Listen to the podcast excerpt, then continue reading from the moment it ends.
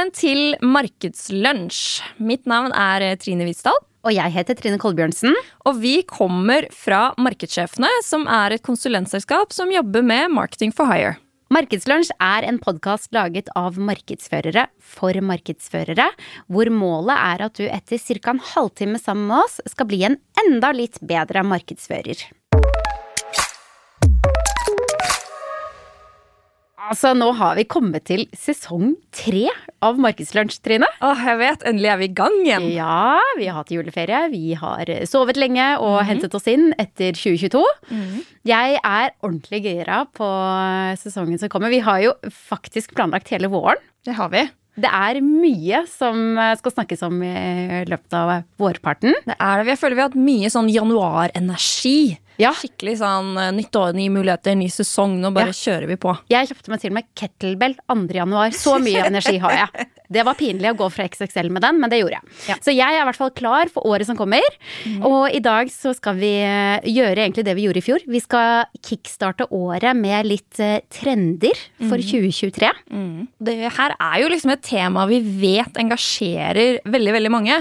Vi kan jo på en måte avsløre at i 2022 så var det her den episoden som absolutt absolutt flest har lyttet på. Så jeg kjenner jo også litt presset med at uh, dette er et interessant tema, nå må vi levere. Ja, jeg, jeg humret litt da jeg så i desember på statistikken vår at uh, folk fortsatt hørte på trender for 2022 i desember. Så da, vi vet at dette her er noe som kommer til å leve lenge. Så nå må ja. vi bare stepper opp ja, og leverer. Så håper vi at de som hørte da Trender 2022 i desember, kanskje nå hopper over på Trender 2023 da, ja. litt tidligere i år. Så ja. vi liksom er litt sånn kickstart. Det hadde vært ganske nyttig for de, tror jeg. Ja. Vi skal snakke om uh, denne trendguiden. Uh, består av syv trender. Vi kommer ikke til å gå i dybden på alle i dag. Så hvis du har lyst til å lese hele guiden, så er det fullt mulig å laste ned på nettsiden vår. Mm -hmm. Og så kan vi jo røpe såpass mye at uh, en av disse trendene skal vi snakke ganske mye mer om, faktisk en halvtime om, i neste episode. Mm. Og da har vi en gjest som er spesialist på dette feltet, så det blir jeg bare glede seg til. Ja. Vi kan jo begynne, eller jeg kan begynne med å fortelle litt hvordan denne guiden er laget, da. For det er jo greit å vite hvordan vi har gått fram når vi skal finne trender. Gjør det det er et stykke arbeid som ikke bare én person har sittet med, men vi er jo da eh, ca. 45 markedsførere hos oss mm. som har lagt hodene i bløt og snakket sammen og funnet ut eh, hva er det vi ser rører seg på horisonten nå i året som kommer, og egentlig de siste månedene, hva er det folk snakker om? Mm. Vi jobber jo med over 100 kunder, eller har gjort det det siste året, så vi har ganske mye innsikt fra både arbeidet internt hos oss, men også hva kundene våre snakker om. Så det er er én måte vi har hentet inn innsikt for å finne ut av hva som rører seg framover nå, mm. og hva som gjelder, hva kundene våre er opptatt av. Og så har vi også brukt ganske mye tid på å lese oss opp internasjonalt. Hva er det folk i USA, Australia og andre steder i verden eh, skriver om? Og kildene for det her, det finner du i guiden, så vi kommer til å henvise litt kilder underveis i dag. Og hvis du da er interessert i å lese mer om disse eh, i disse artiklene, så er det bare å igjen da laste ned denne guiden, og så finner du hele kildelisten der. Mm. Så det er kort fortalt metodikken i hvordan vi har etablert disse trendene. Og så finnes det jo, det må jeg også si, det var veldig vanskelig å velge syv trender, fordi det er innmari mye som rører seg om dagen. Og 2023 er et sånn år hvor vi ikke helt vet hva som kommer til å skje. Så dette dette er veldig de store linjene, kan du si, vi har trukket fram. Vi var kanskje litt mer ned på taktisk nivå i fjorårets guide. Eh, vi snakket blant annet om cookie-døden og hvordan man skal rigge seg for det her. Og vi har kanskje hevet linjene hakket mer i år, for det er litt vanskeligere å, å, å se i krystallkulen. Mm. Så det er en liten sånn refleksjon på det før vi setter i gang. Mm. Og så liker jo vi markedsførere å snakke om trender, sånn som vår eh, podkastprodusent kommenterte her nå. Dere markedsførere markedsførere snakker om trender hele tiden, er så vanskelig å følge med. Og det skjønner jeg jo, for vi liker jo å snakke om trender. Veldig glad i trender. Ja. Såpass mye at uh, Anfo har uh, kårer uh, hva var det? Overvurderte og Undervurderte? Under, viktigste og overvurderte buzzord for hvert år, så det skal vi snakke litt om etterpå også underveis. Mm. Men ja, skal vi gyve løs, da? På første trend? La oss gjøre det. Ja. Første trend er markedsføring i urolige tider. Den kommer vi ikke til å snakke noe om i dag. Nei, da tenker jeg gå tilbake og hør på episoden i desember. Ja, tenker jeg altså. Det, da snakket vi mye om det. Så da går vi videre til trend to. veldig Dette kommer til å gå fort i dag. Ja, veldig enkelt og greit. Ja, Og trend to skal vi faktisk heller ikke snakke så mye om, for den skal vi snakke masse om i neste episode. Men det er jo da merkevarer som har godt integrerte samfunnsoppdrag. De vil vinne. Vi ler jo av dette for de av dere som har lyttet på en del av episodene. Vi ler jo av at vi alltid må innom merkevare i en av eh, episodene våre. Det må vi i dag også. Men denne gangen så handler det litt mer om å dra merkevaren et steg videre når du skal bygge merkevaren din. Hvordan skal du posisjonere deg med et samfunnsoppdrag som drivkraft? Ja, og hvorfor er egentlig det viktig? Ja, og har vi noen eksempl gode eksempler på det? Eh, Ja. Det har vi selvfølgelig. Det kommer vi til å snakke en del om i neste episode. Så jeg lurer på om vi skal bare hoppe videre til de trendene vi faktisk skal snakke om i dag. Det gjør vi. Det er sånn så vidt inn i episoden og allerede på trend tre. Det er bra. Effektivitet. For trend nummer tre, de store linjene vi ser, Trine, handler jo litt om det rundt fremtidens markedsteam. eh, Og litt hvordan man egentlig bygger avdelingen sin, da, hvis man er en, eh, en markedssjef. Ja, det er jo um, ikke to streker akkurat under det svaret der, men det vi ser er eh, Blant annet så ser vi at vi får ganske, vi i Markedssjefen altså, vi får ganske mange henvendelser på folk som trenger hjelp, og som velger nå eh, fram imot et litt sånn rart eh, uoversiktlig 2023, og outsource deler av eh, markedsføringen sin. Og det her er en trend som man ser internasjonalt også. Forbes de skriver at å kombinere inhouse med outsourcing er spesielt effektivt i nedgangstider, og at de anbefaler å ta eierskap til selskapets strategi, men leie konsulenter til å utføre aktivitetene, og at dette vil føre til mer proaktiv markedsføring. Man ser også at uh, markedsføring har blitt et uh, så, så, stort monster. det er så mye man skal kunne innenfor fagfeltet at hvis man sitter helt alene, mm. så er det nesten umulig å holde seg oppdatert. Så det mener de er da fordelen med å outsource deler av markedsarbeidet sitt. Mm. Så det er noe å se litt på. Kanskje man skal Hvem er det du faktisk trenger å ansette og ha inhouse? For det må man absolutt ha. De aller fleste trenger det. Men så er det selvfølgelig deler av oppgaven du kan sette ut til et fagmiljø som kan hjelpe deg videre og gjøre en litt bedre jobb enn man har forutsetning for inhouse. Så det er én trend som vi ser både i Norge og internasjonalt. Det drar oss da videre til neste trend.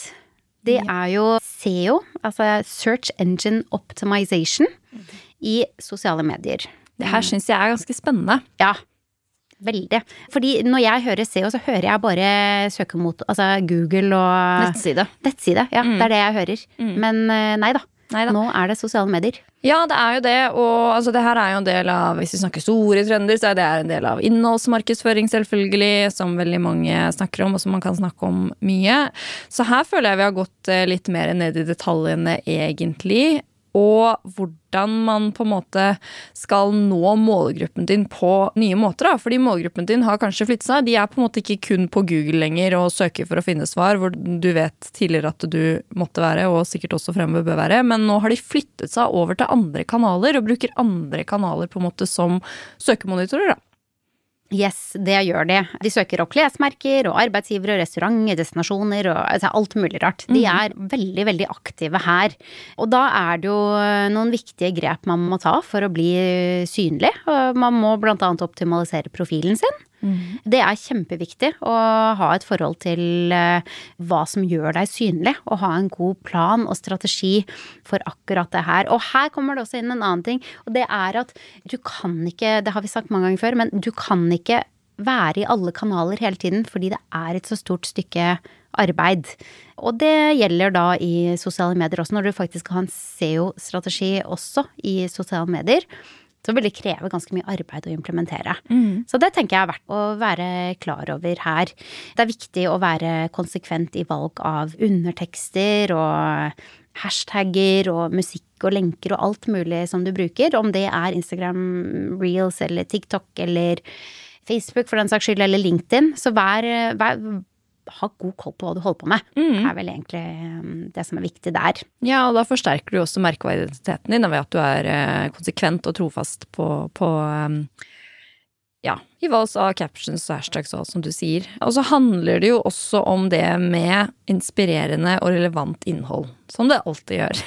ja, ja, og det er, blir, blir, jo nesten litt sånn floskel etter hvert, men det er jo så viktig. Ja. Hvis du ikke klarer å engasjere, så er, du kommer ikke noe lenger.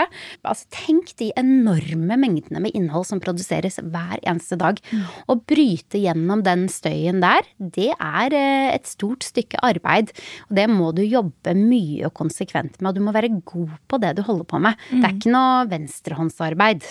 Mm. Det er noe du må ha en eh, solid plan og formening om å jobbe med. Og en annen ting som er verdt å ta med deg, er at du kan ikke være til for alle. Du kan ikke nå alle. Du må velge din nisje eller bransje, og så må du holde deg til det. Og som vi skriver i denne guiden, da, jeg har satt litt sånn på, på spissen Hvis din nisje er søm, ikke begynn å lage fotballinnhold. Ikke sant? Hold deg til det du er god på. Mm. Det er viktig. Det er viktig. Ja. Så er det jo en litt mer sånn eh, teknisk del. Legg til alternativ tekst. Ja. Dette er all teksten. Det er jo alle som har jobbet med nettside, har jo mm. kjennskap til det. Det er å gjøre visuelt innhold mer tilgjengelig for, eh, for alle. Dette handler om universell utforming. Uh, husker jeg hadde en sånn demo av et verktøy som viste hvordan det var å oppleve nettside hvis du hadde synshemming. Mm. Hvis du ikke bruker alternativ tekst, så er det fryktelig vanskelig. Og hvis du skriver dårlig alternativ tekst, så blir det veldig rart. så den har sin funksjon, både søkemotoroptimaliseringsmessig, men også med tanke på universell utforming. Mm. Så den er viktig å jobbe med nå. Kjempebra at de har fått det på sosiale medier, syns jeg. Mm. Veldig bra. Helt enig. Mm. Så er det jo det at man selvfølgelig må skape engasjement for å drive økt trafikk og merkevarekjennskap. Det handler jo om at du kan teste ulike formater, ulike måter å presentere innholdet ditt på. Og så må man jo være klar over at det som funker på én konto, funker ikke nødvendigvis på en annen konto. Så du må finne ut hva som funker for deg selv, og følge med i kanalen din og se hva er det du poster som skaper engasjement hos din målgruppe, da, selvfølgelig, og hvordan kan du gjøre mer av det. Mm. Mm. Det drar oss videre til trend nummer fem. Annonsering er jo viktig. Det Måtte du tenke litt? ja, jeg var litt sånn Er det lurespørsmål? det er det. Og selvfølgelig, i 2023 så kommer det jo nye muligheter og nye trender på eh, måter man kan annonsere på. Mm. Så da er det jo kanskje lurt å kikke og se ok, hva for slags nye ting er det som har kommet på markedet nå? Er det nye behov hos målgruppen vår eh, som vi eh, på en måte må treffe på? Er det nye steder vi eller nye kanaler vi bør være i? Så har vi funnet noen eksempler på ting som kommer i, i 2023, som eksempel Klarna. Ja, de har gode muligheter for å annonsere. Jeg syns for øvrig at denne trenden her er ganske interessant. Vi, vi, snakket også i forrige sesong om en av kundene dine som hadde prøvd å Eller som har sagt nei, ikke noe mer amerikanske mm. medier vi skal annonsere, kun norske. Og ha det som prøveprosjekt. Nå vet vi jo ikke helt resultatet av det, men det er jo en interessant tanke at uh, de store annonsørene velger å ses etter om nye muligheter. Man er, kan, begynner kanskje å bli litt uh, ferdig med de mediene vi har brukt i veldig veldig mange år, eller de plattformene vi har brukt i mange år. Mm. Og jeg tror dette her er et lite sånn uh, symbol på hva, hva, vi har i vente. Uh, den siste trenden vi skal snakke om, det er der tror jeg også det vil føre til andre muligheter for annonsering som vi ikke engang kan forutse. Vi kan ikke, ha, vi kan ikke se hva som er mulighetene der enda. Mm. Men jeg tror hele essensen her er at man må begynne å eh, vurdere de kanalene man alltid har brukt. LinkedIn, Instagram, Facebook, Snapchat. Kanskje det er på tide å vri seg om og se etter nye annonseringsmuligheter. Mm. Og da er jo Klarna en av de, spesielt hvis du er B2C, eller hvis du har produkter du selger innenfor B2C-verden, kan det være et kjempeinteressant sted å begi seg ut på og se hva som er mulighetene der. Det er jo denne appen som er ganske innholdsrik.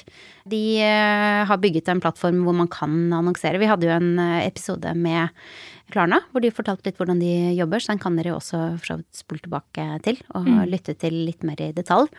Men jeg kommer ikke til å gå så veldig detaljert gjennom akkurat hvordan det her gjennomføres. Det står litt uh, mer detaljert i guiden vår. I korte trekk så involverer det at man kan kjøre annonsering med både CRM-kampanjer, søk og sponset innhold. Det fins masse muligheter der. Det er verdt å ta en titt på nettsiden til Klarna, eventuelt kontakte de hvis, hvis man er interessert i å høre mer om mulighetene der. Mm. Og så har man jo da Netflix. Ja. I fjor så snakket vi jo om, i den episoden vår om kanalstrategi, var det vel, så var det jo rykter om at Instagram skulle begynne med betalingstjeneste, og at du måtte betale for å følge enkelte profiler og sånne ting. Det har jo i hvert fall ikke kommet noe særlig til eh, Norge enda, og de har merker vel sterkt konkurransen fra TikTok, så de er vel kanskje redd for å innføre noe betaling der. Men Netflix har jo nå kommet med et abonnement som er basic with ads. Ja, det er litt sånn Spotify. Husker det Jonathan fra, Spotify til å begynne Ja. med. Alle var på fest, og så plutselig kom han og snakket. Det er litt sånn samme greia, har jeg inntrykk av. De kjører, altså de lar da annonsører kjøre videoer på alt fra 15 til 30 sekunder, og både da før, under og etter programmer. Så det blir jo litt sånn som på YouTube også, da, på en måte. Ja. Ja, det blir i stor grad det. Og den her er jo ikke mm, tilgjengelig i eh, Norge enda. Eh, og det er jo ganske dyrt. Ja. Jeg tror ikke det er liksom Det er ikke noe for de gjengse annonsører i Norge riktig enda. Nei. Men det er verdt å ha med som en trend, fordi det viser litt at disse store merkevarene, de tenker nytt. De, tenker, de åpner opp for muligheter, og her, mer enn noen ting, så må man holde øynene oppe etter muligheter som kommer. Fordi markedet kommer til å endre seg ganske raskt framover. Ja, absolutt. Og eh, Samsung gjør det jo allerede. De som har en Samsung TV, har vel sett eh, at eh, helt nederst til venstre på menyen så er det jo begynt å komme annonser. Hovedsakelig fra de innholdsleverandørene som har innhold, altså Netflix, HBO og sånne ting som har innhold da på Samsung. Men det kan jo sies, eller tenkes da, at de etter hvert ser muligheten av det til å selge på en måte til eksterne aktører også. Ja, og jeg tenker det her vi som markedsfører må bare være årvåkne og følge med på hva som, hva som rører seg der ute.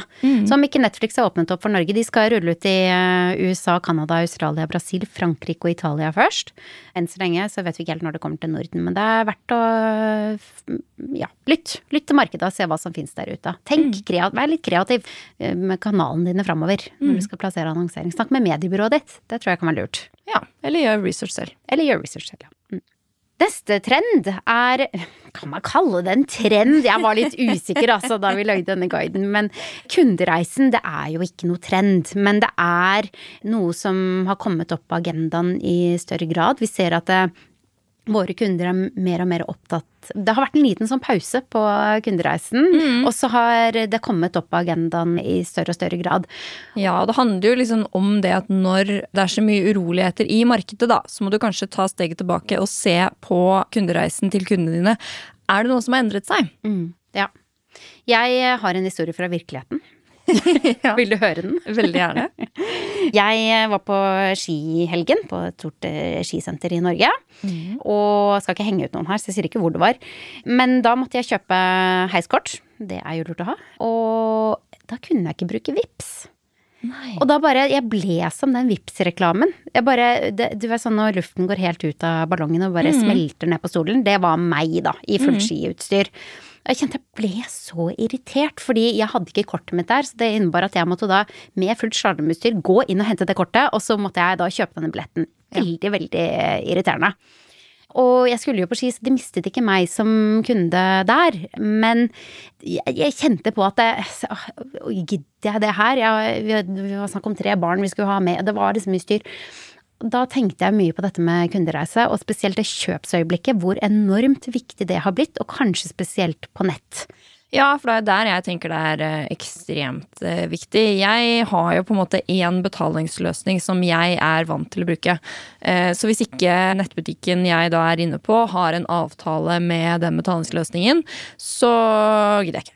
Da, da går jeg bare ut, og så får jeg heller kjøpe det produktet et annet sted. For det blir for styr at jeg skal lage nye kontoer og sånne ting. Og også litt i forhold til det der med frakt har vi som forbrukere blitt ganske bortskjemte på. Ja. Jeg vil gjerne ha det rett hjem, dagen etter i postkassa, og gjerne med frakt inkludert. Yes. Det, er, det med frakt, det er, altså, det er blitt viktig, det. Mm. Og jeg syns du sier eh, Nå sier du ikke hvilken betalingsløsning du velger. Jeg skal heller ikke si Nå vet jo alle at jeg er veldig glad i VIPS, da, men jeg, jeg har andre betalingsløsninger jeg også liker veldig godt. Og jeg tror ikke din er det samme som min. Poenget mitt her er at det holder ikke å ha én god betalingsløsning. Du må ha det alle vil ha. Og kanskje din målgruppe Du må vite hva de vil ha. Du må ha koll på denne kundereisen din. Så om det er en trend eller ikke, det kan vi diskutere opp og ned i mente, men i hvert fall så blir det viktig i 2023 å ta en kikk på kundereisen din med nye øyne. Det har skjedd masse, som du sier, både på frakt, betalingsløsninger, markedet har endret seg. Det er på tide med refresh. Ja. Siste trend, den lo vi litt godt av, fordi Amfo har jo da kåret eh, bransjens mest overvurderte buzzord for 2022. Ja. Og metaverset, det kom til topps. Det er det, men jeg står likevel inne for at vi har det som en trend. Jeg, jeg står 100% innenfor, og vet du hvorfor? Nå skal jeg lese én setning eh, for deg, Trine. ja. Bloomberg-analytikerne spår at metaversmarkedet vil være verdt nesten 800 milliarder dollar innen 2024. Ja, det er helt sykt. Så Et nå år til? Ja, ja, i løpet av 2023 så er det Ja, det er helt sinnssykt. Det er så stort, det.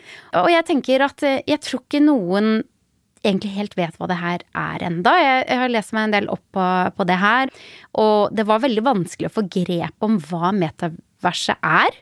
Men det var en eh, jurist og samfunnsviter som heter Cecilie Hellesveit som sa at metaverset er en virtuell verden nesten som et nytt internett, bare i 3D. Og nå hører jeg meg selv si disse ordene, og vi har den episoden, og så tror jeg vi kommer til å høres utrolig teite ut om halvannet til to år, Ja. når alle skjønner hva det her er. Ja. Men jeg tror dette er så på trappene, det er så dagsaktuelt, at uh, dette må vi bare følge nøye, nøye med på, og se på mulighetene for.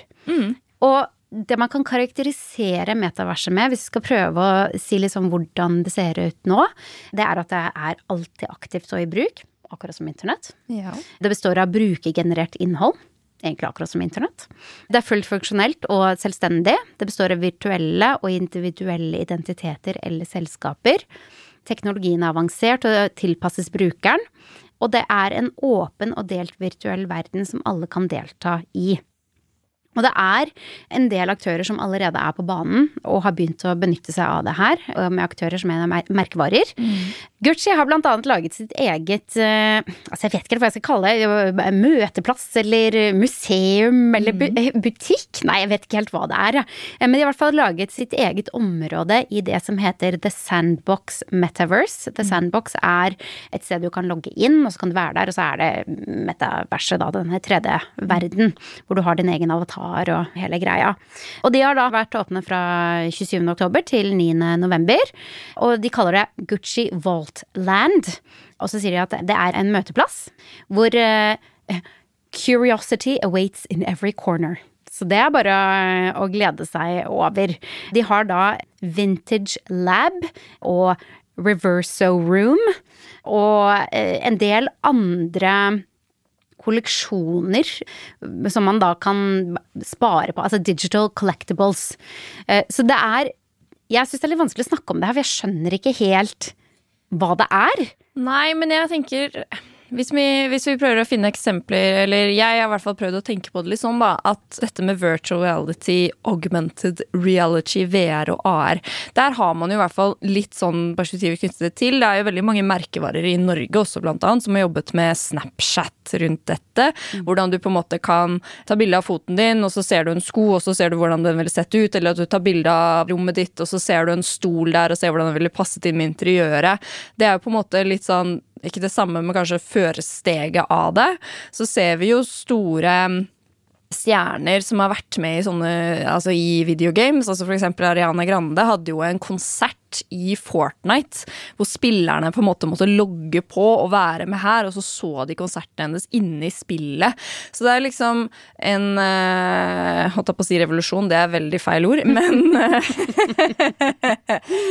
det er, Du kan på en måte se hvordan fremgangen har vært, da, hvordan man tar steg for steg underveis. Og kan kanskje tenke at meta er det neste steget, da, hvor man har hele denne virtuelle verden som man på en måte tar steget inn i og ja. blir en del av.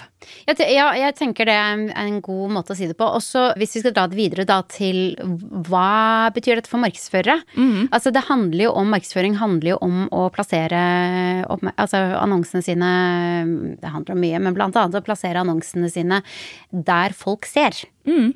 Og hvis øynene har flyttet seg et annet sted enn de tradisjonelle kanalene våre, jeg bare nevner igjen 800 milliarder US dollars innen 2024. Det er svære greier det er snakk om. Da må vi kanskje begynne å finne ut hvordan vi skal markedsføre i metaverset. Mm. Hvis målgruppen vår er der. Mm. Og da er vi tilbake til kundereise, og vi er tilbake til basics. Hvem er målgruppen din, og hva er det de bryr seg om? Mm. Og så må jeg si det at når jeg leste meg litt mer opp på dette også, så ble jeg litt sånn Jeg fikk litt sånn gamle Facebook-vibe, sånn Facebook før GDPR. For de snakket liksom om mulighetene for markedsføring innen Metaverse, og hvordan du på en måte kan samle inn data, kundeaffær, preferanser. Du kan spore handlingen til kundene dine og interaksjoner, og hvordan de beveger seg rundt i denne virtuelle verden, og sånn sett på en måte tilpasse produktet ditt og tilbudet ditt akkurat til hvordan de oppfører seg der inne.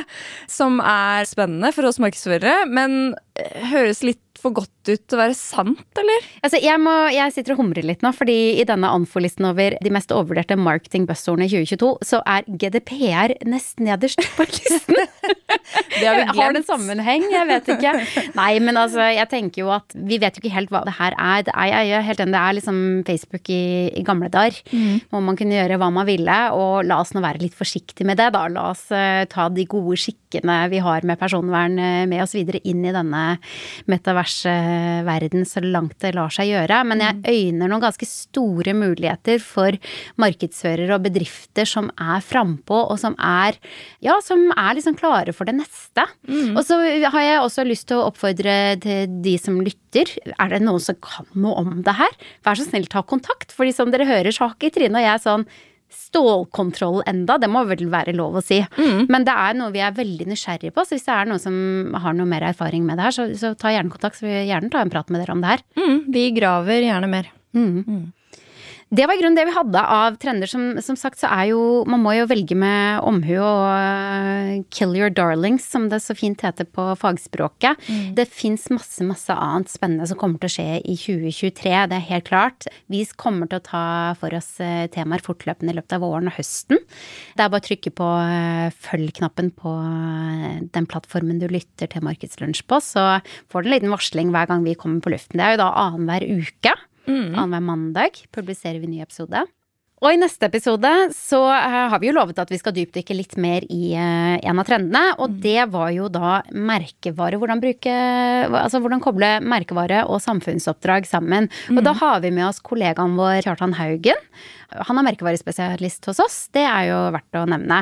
Og han skal fortelle hvordan han jobber med det her ute hos kunder, og hva som er viktig å tenke på hvis man skal gå den retningen. Mm, og svare på alle de 10 000 spørsmålene vi har. Ja. Mm. Takk for at du lyttet, og jeg håper dere alle har hatt en like fin start på året som eh, Trine og jeg har hatt. Det er en fryd å være tilbake på luften. Absolutt. Så høres vi igjen om to uker. Det gjør vi. Ha det bra. Ha det.